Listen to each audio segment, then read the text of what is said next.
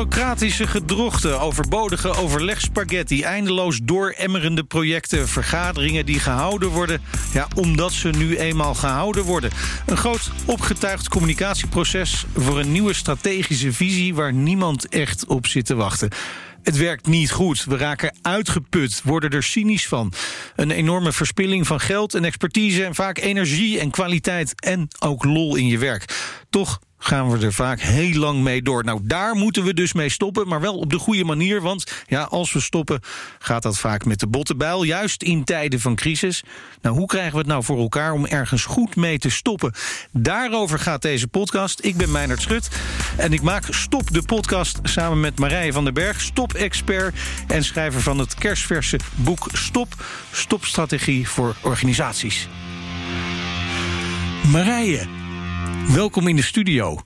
Hoi. Leuk dat we dit samen gaan doen. Wij kennen elkaar eigenlijk al heel erg lang, nog van de middelbare school. Maar op een gegeven moment eh, kwamen we elkaar weer tegen bij een reunie. En toen zei je tegen mij: Ik schrijf een boek over stoppen.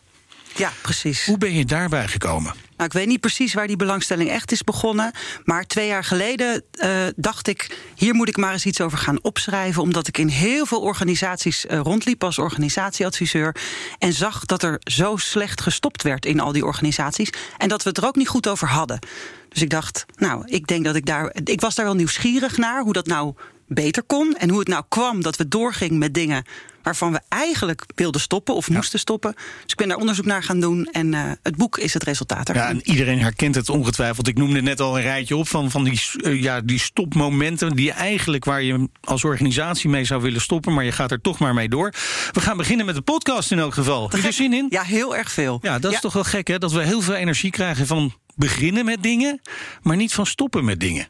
Ja, dat is wel, dat is inderdaad een, een van de problemen. Ik denk wel dat je veel energie kunt krijgen van stoppen met dingen. Maar dat is dan vooral ja, dat wat er allemaal niet meer uh, hoeft. Oh, de ja. ruimte en de lucht die het kan geven om ergens goed mee ja. te stoppen. Maar als we dat niet doen, ja, dan uh, blijven we maar ja, door. Ja, ja, precies. En uh, voor de duidelijkheid, deze podcast en jouw boek gaan niet over stoppen voor het individu. Hè? Dus niet stoppen met roken, social media, je druk maken over allerlei zaken. Je waar baan. Je, je baan bijvoorbeeld. Nee, dit gaat over stoppen binnen organisaties. Zit daar echt een groot verschil tussen? Ja, het grote verschil tussen individueel stoppen en collectief stoppen is dat als je collectief wil stoppen, dat je dat echt samen moet doen en ook een beetje tegelijk. En vaak is het zo dat omdat we er weinig over praten en het een taboe is soms zelfs, dat we wel stoptekens zien, maar dat ieder voor zich denkt: ik kan daar niks aan veranderen. Het is nou eenmaal zo. Zo doen wij het nou eenmaal hier. En op het moment dat je dat ter sprake gaat brengen, dan pas komt de, ja, de gelegenheid om samen te stoppen. Okay, maar, maar, dat doen we te daar, daar zit denk ik een groot probleem dat het bijna nooit ter sprake komt. Ja, dat klopt. Ja, want okay. stoppen is niet sexy.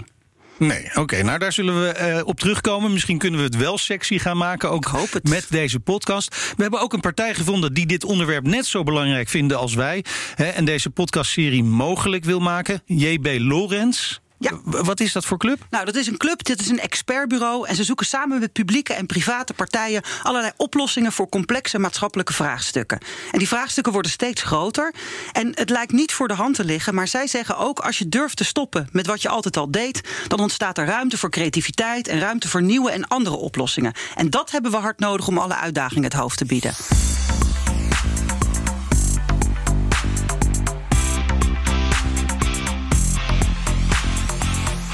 Goed, we gaan dus stoppen. Maar waarmee dan? Nou, eigenlijk weten we meestal, dat zeiden we net al, wel binnen organisaties waar we mee zouden willen stoppen. Hè. Individueel weten we dat vaak wel, maar toch gebeurt het niet. En jij zegt dat komt omdat we dat niet collectief doen en we spreken het niet uit. Nee, er zijn allerlei redenen waarom het niet lukt. In mijn boek beschrijf ik er twaalf. Dat zal ik nu echt niet doen. Maar het geeft wel aan dat collectief stoppen in teams en organisaties echt ingewikkeld is. En dat het dus ook niet raar is als het in jouw organisatie niet lukt. En wat bijvoorbeeld, ik zei het al, stoppen is niet sexy. Nee. En wat wel sexy is, dat is actie. Dingen ja, doen. Ja. Voorbeeld, uh, nou, dat, dat voorbeeld zou jou uh, aanspreken, Meinert. Een, uh, een keeper bij de voetbal, als hij een penalty moet tegenhouden, dan is het ja, verstandig, wijzen alle statistieken uit uit om keurig in het midden te blijven staan. Echt waar? Ja, dat is het handigst. Dan heb je gewoon de grootste kans dat je hem tegenhoudt. Er is geen keeper die dat doet. Want als jij ja, als een, uh, zak, een zak meel in het midden blijft staan terwijl de bal links en rechts erin gaat, ja, dan sta je toch echt. Uh, ja, dan zegt de trainer ook: doe eens wat, man. Precies. Dus dan duiken ze okay. helft, naar links of naar rechts. En nou, dat, dat is dus wat je dan doet. Dat, dat is sexy. Maar het is ook sexy om een paal te slaan of een ambitie te hebben of een voorstel te doen.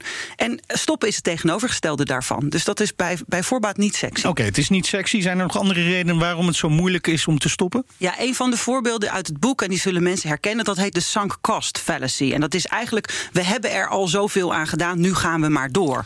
Oh ja, ik Lelystad Airport. Ja, of ICT-projecten waar al miljoenen ingestoken zijn. Ja. Het is te groot, te moeilijk. Ja, precies. En dan lijkt het logisch om dat laatste miljoen er toch ook maar in te stoppen. Terwijl als je de business case op zijn uh, meritus beoordeelt, het heel verstandig is om dat niet te doen. uh, gokkers noemen dat throwing good money after bad. Dus dan ga je dus nog meer geld erin pompen. En wat ook een heel goed voorbeeld is, is ja, overheidssteun voor bedrijven. De eerste keer lijkt dat logisch. De tweede keer is het misschien niet meer logisch. Maar een uh, bestuurder zal nooit zeggen: Ik heb het de eerste keer voor niks gedaan. Nu gaat het bedrijf toch failliet. Dus dan blijven ze er geld in stoppen. Ja, want dan zijn die miljoenen al verloren eigenlijk. Precies. En, en op zich, als je, uh, ja, als je een risico neemt door een bedrijf te steunen, moet je accepteren dat dat geld ja. ja. verloren is. Maar liever dat je dan nog een keer dat bedrijf steunt en dat je zegt: Nou, dat was dus zonde geld. Ja, is dat dan ook misschien wat met Lelystad Airport aan de hand is? Je noemde net dat voorbeeld. Hè? We zijn al zo ver ermee. Er zijn al afspraken gemaakt. Er zit al zoveel geld in. We kunnen er eigenlijk niet meer mee stoppen. Maar we weten misschien allemaal wel in deze tijd. Het heeft niet zoveel zin meer. Ja, als je goed luistert naar mensen die zeggen stoppen is geen optie, dan zijn dat vrijwel altijd bestuurders die bang zijn of zeker weten dat stoppen best een optie is. Alleen dat zij het niet gaan doen. Oké, we hebben nu twee genoemd. Hè? Uh, dus uh, niet sexy, de sunk cost fallacy. Welke andere wil je echt nog even noemen? Nou, wat heel belangrijk is in organisatie is dat we ook heel veel routines hebben die het stoppen um, onmogelijk maken. Ik noem maar iets simpels als het is logisch om ieder jaar afdelingsdoelen te stellen. Nou, en bijna, bijna nooit vragen mensen aan elkaar van goh, en waar ga je dan mee stoppen? Schrijf dat eens op en wat is oh, daarvoor nodig? Dus die routines in organisaties waarbij je allerlei indicatoren hebt die je wil vullen, administratie die je wil, die je moet doen of denkt te moeten doen, die dwingen eigenlijk af dat je met dingen doorgaat. En uh, we hebben heel weinig routines waar waarbij we ervoor zorgen dat dingen goed gestopt worden. Ja. Dus dat helpt ook niet in een organisatie. Nee, dat is een routine. We horen ook heel vaak uh, toch wel bij organisaties en bedrijven. Ja, we doen het nou eenmaal zo. Ja, dat is... Was dat ook bij die routines of is dat weer een ander verhaal? Nou ja, op zich is dat, dat zijn in, in feite zijn routines vlees geworden overtuigingen. Dus dat zijn overtuigingen die zich hebben ja, vastgezet eigenlijk in de, in de werkwijze van een organisatie. Maar het kan ook gaan over verhalen. Oprichtingsverhalen bijvoorbeeld. Wij zijn de vrije jongens van de, nou vul maar in welke start-up. En dan, dan, dat betekent dus dat we met elkaar een bepaalde bedrijfscultuur hebben. En ja, dan wordt het heel moeilijk om dat in twijfel te trekken. Want ja, dan hoor je er niet meer bij. Zo doen wij het hier nu eenmaal. Maar dat kan ook heldhaftig zijn of heel leuk of, ja, of soms cynisch. Het lukt hier nooit. dus dat, dat zijn ook verhalen. Dus dat storytelling, wat je in veel bedrijven hoort, dat kan heel veel goeds betekenen. Maar soms zijn die verhalen ook te sterk. En dan kan je er niet uit. En dat voorkomt dat je. En, en op het moment dat je dan zegt: zullen we ermee stoppen? Ja, dan ben je eigenlijk het kind uit het sprookje De kleren van de keizer. Dat zegt: hé, hey, heeft hij eigenlijk wel kleren aan? Ja, dat, dat ontmaskeren, ja, dat is niet een heel uh, prettige en. Uh, Ervaring voor veel mensen nee, natuurlijk. Dus, nee. dus daar, daar, daar, daar zit een. Nee. En ik kan me voorstellen dat je hebt altijd één schaap dat als eerste over de dam moet. En dan volgen er misschien wel meer. Maar je kunt natuurlijk ook krijgen dat er mensen zeggen van nou ja, doorgaan is natuurlijk ook een optie. Zeker. En dat is ook, zelfs als je ergens mee wil stoppen, heel belangrijk om te kijken wat zijn nou de redenen voor doorgaan. Want vaak zijn dat ook de redenen die ervoor zorgen dat het stoppen op lange termijn niet lukt. Dus dat je heel veel preciezer gaat kijken, wat was nou de reden? Reden? Bestaat die reden nog? En als die reden niet meer bestaat, zijn er, is er dan misschien ziektewinst? Uh, of uh, zijn er mensen gewoon gewend aangeraakt? Of zijn mensen er voor hun uh, geld afhankelijk van, waardoor we er toch mee doorgaan? En dus doorgaan levert natuurlijk ook iets op, een beloning X, Y, Z. Ik ben een van de gelukkigen die jouw boek al heeft mogen lezen. En ging ook op zoek naar, naar voorbeelden waarbij alles wat jij beweert in je boek ook erin zit. Luister even mee naar een fragment dat ik daarover heb gevonden. Landing gear down and locked.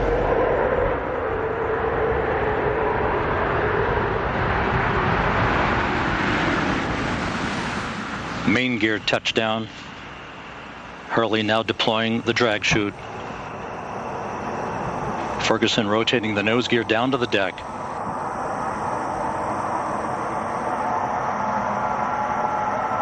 Nose gear touchdown. Having fired the imagination of a generation, a ship like no other, its place in history secured, the space shuttle pulls into port for the last time. Its voyage at an end. Ja, zoals alleen Amerikanen dat zo mooi kunnen zeggen.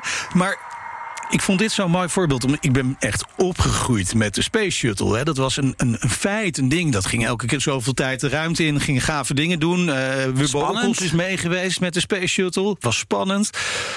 Uh, en eigenlijk uh, wist men al heel lang dat dit niet de juiste weg was voor de Amerikaanse ruimtevaart. Maar ze gingen er maar mee door. Herken, herken jij dat? Ja, dat is, dat is, dat is ook het de man op de maan zetten. Is natuurlijk het ultieme verhaal. Wat al, waarvan allerlei dingen ook. die allerlei dingen in gang gaat zetten ook. Hè? Dus een gezamenlijke droom hebben. Uh, in mijn boek noem ik dat soms ook de coalitie van hoop. Ja. Die kan extreme vormen aannemen. Waarbij je dus dit soort, nou, ik denk miljarden, uh, steeds maar weer erin blijft pompen. Is niet gezegd dat dus alles wat eruit voortkomt ook slecht is. Hè? Uh, want er zullen vast wat technologische ontdekkingen zijn gedaan ja. onderweg. Ja, maar, maar tegelijkertijd was het in dit geval wel dat hierdoor Amerika jarenlang, decennia lang zelf niet meer mensen de ruimte in kon sturen. He, dus, dus ze, ze, hebben inderdaad heel lang zijn ze doorgegaan met die Space Shuttle. En daardoor zijn ze een hele tijd daarna even, hebben ze niks meer kunnen doen. Ja, nou ja, en dat, en dat zijn dus uh, typische voorbeelden van te laat stoppen ja. en maar dooremmeren. He, dus uh, uh, ik noem dat de dode paarden. en in mijn boek vertel ik over het gezegde: dode paarden moet je feestelijk begraven. Nou, in dit voorbeeld horen we ook, dat is dan de keerzijde, ja. dat je dat dus ook heel mooi kunt doen, zo'n afscheid. He, het is misschien, als jij dat allemaal zo in perspectief zet, veel te laat geweest. Ja. Maar toen ze het één keer deden, zijn ze er niet stiekem mee. Hebben ze nee, mooi met, met een snik ook op het eind. Ja, heel, heel voorzichtig snikje hoorde dus, En dat is ook uh, een van de belangrijke elementen van uh, goed stoppen, is afscheid nemen. En afscheidsrituelen, we hebben wel allerlei kick-off sessies in organisaties. Oh maar kick-down of ja, dat hebben we gewoon niet. He, dus, dus er zijn ook weinig rituelen waarmee we stoppen en afscheid kunnen vormgeven. Dat is allemaal heel armzalig. Nou, en dat is wel een belangrijk aspect van goed stoppen. Ja. Met die Space Shuttle kunnen we zeggen dat ze heel veel van die stopsignalen niet hebben gezien. Hè? Of misschien wel hebben gezien, maar niet hebben benoemd.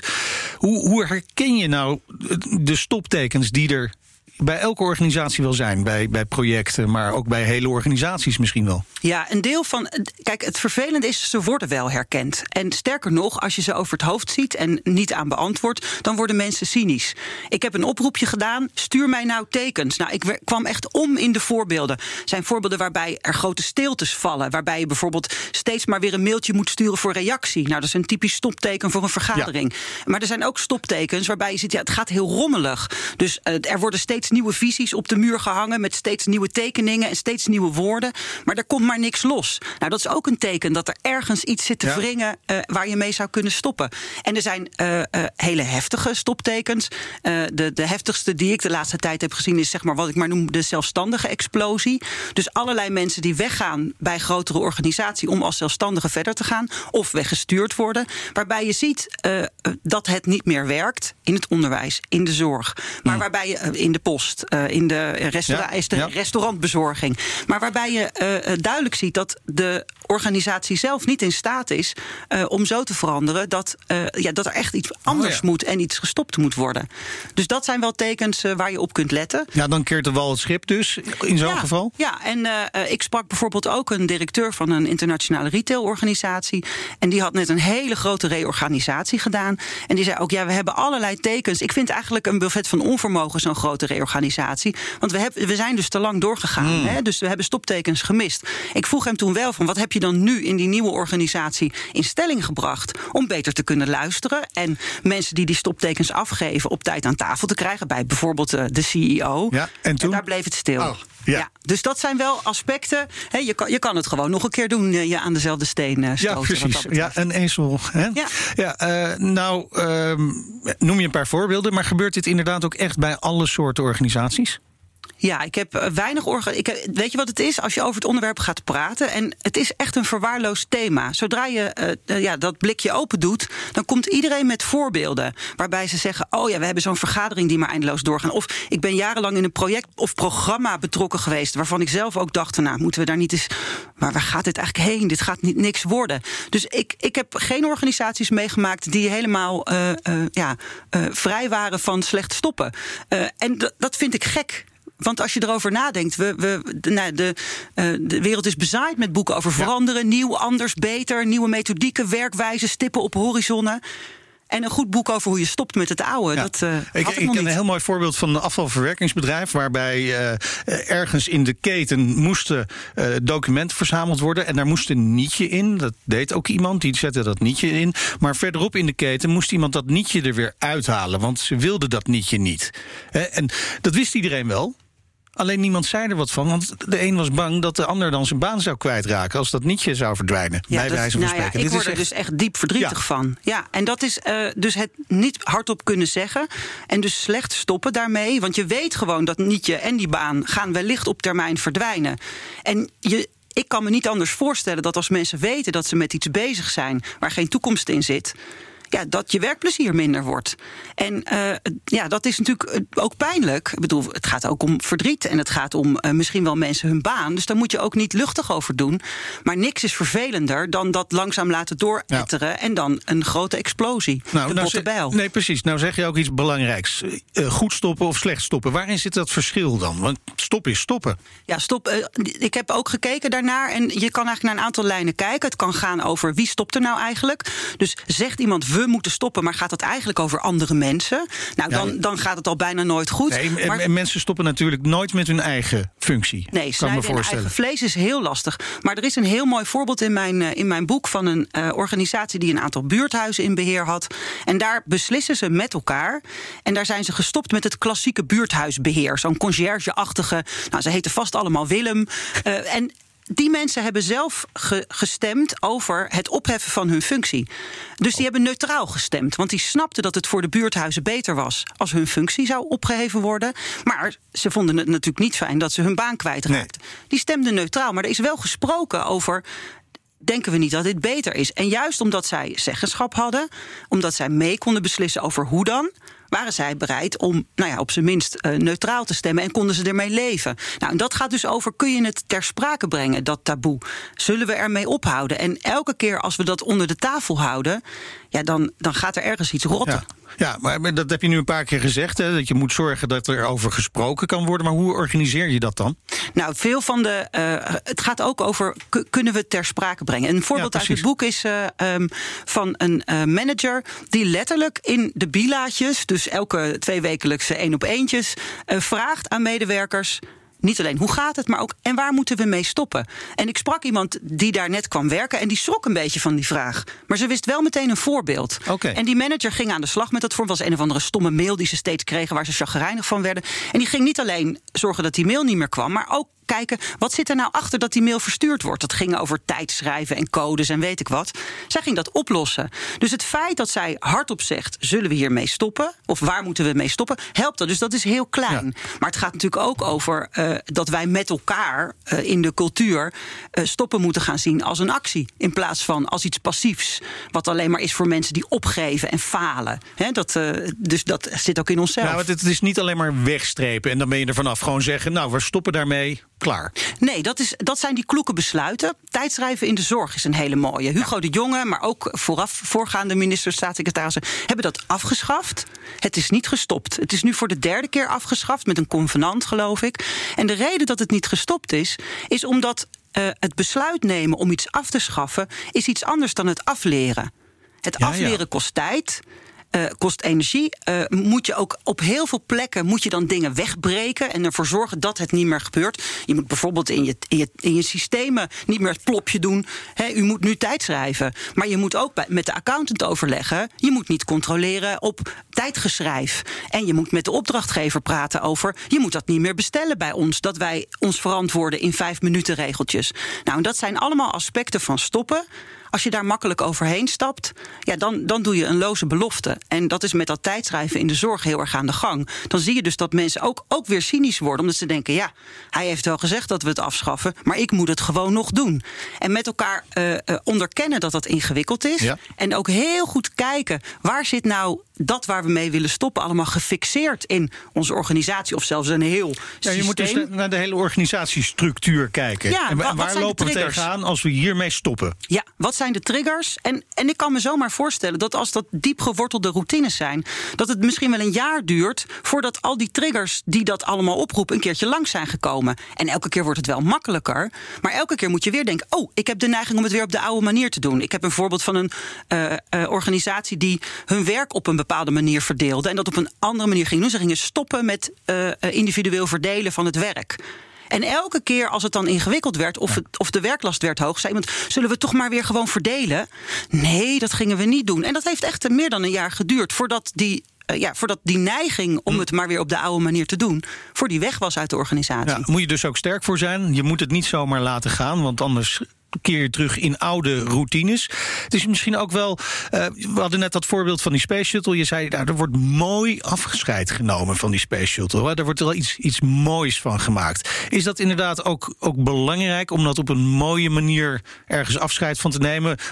Bij wijze van spreken letterlijk een feestje van maken? Zeker. Ja, dode paarden moet je feestelijk ja, ja, begraven. Precies. In het boek komt Danielle Brown aan, de, uh, aan het woord, uh, corporate antropoloog. En we gaan haar verderop in de podcastserie ook interviewen. Dus dan kan ze er zelf ook iets over vertellen.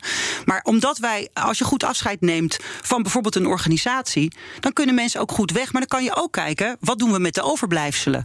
Gaan we die begraven of moeten we die overdragen? Is er een erfenis? En als je oh dat niet goed doet, krijg je allemaal ja, uh, smeulende restjes. Uh, al is het maar het opmaken van de laatste jaarrekening, die dan bij iemand anders belandt. Nou, en daar zie je dus dat goed afscheid nemen ook ruimte geeft om uh, ja, ook echt met elkaar te zeggen: en dit is wat we niet meer doen, en dit is wat we meenemen naar de overkant. Ja, stoppen klinkt heel simpel, maar zo simpel is het dus duidelijk niet. In deze podcastserie gaan we eigenlijk al die facetten van goed en slecht stoppen aan de hand van een eh, tiental eh, praktijkvoorbeelden langs. Je noemde net al Danielle Brown. Wie gaan we nog meer eh, spreken? Nou, we gaan in een van de eerste afleveringen op bezoek, en daar verheug ik me erg op, bij Meta Knol van Museum de Lakenhal in Leiden. Ja. Zij is tien jaar geleden directeur daar geworden, is nou ja, zo op het oog met alles gestopt. De tentoonstellingen, de collectie. Nou, je, je, wil niet weten waar zij allemaal mee stopt. Is er nog wat over? Heel interessant verhaal. Nou, je zult zien als je in dat museum komt, er is meer dan genoeg over. Um, maar uh, uh, zij kan goed vertellen over hoe ze dat heeft aangepakt. En vooral hoe precies zij is geweest in dat stoppen en het afleren. Dus daar, ben, daar verheug ik me erg op. En we gaan bijvoorbeeld ook uh, op bezoek bij Aldo van Kleef. Hij is projectontwikkelaar. Ja. En hij doet allerlei projecten die super ingewikkeld zijn. Vaak met zowel een gemeente als een ondernemer, als duurzame. nou ja, je wil niet weten wat voor monsters van projecten hij draait. En hij uh, heeft een keer met een, uh, een beroemde chef-kok een plan gehad om een hotel te beginnen. Ja. Dat werd groter en groter en groter tot hij ermee stopte. Daar gaat hij over vertellen. Wauw. Als je dus ergens mee wil stoppen binnen jouw organisatie, luister dan de hele serie zodra die online staat kan via de app van BNR of gewoon via jouw eigen favoriete podcastkanaal. Abonneer je dan gelijk ook even, dan mis je helemaal niets. En ik kan je ook echt aanraden om het boek van Marije te lezen. Het heet Stop, Stopstrategie voor organisaties. Waar kunnen luisteraars het boek vinden? Bij al uw favoriete boekhandels natuurlijk, maar in de maand september met korting bij managementboek.nl. altijd slim. Dank voor het luisteren. Marije, we gaan ermee stoppen. Helaas.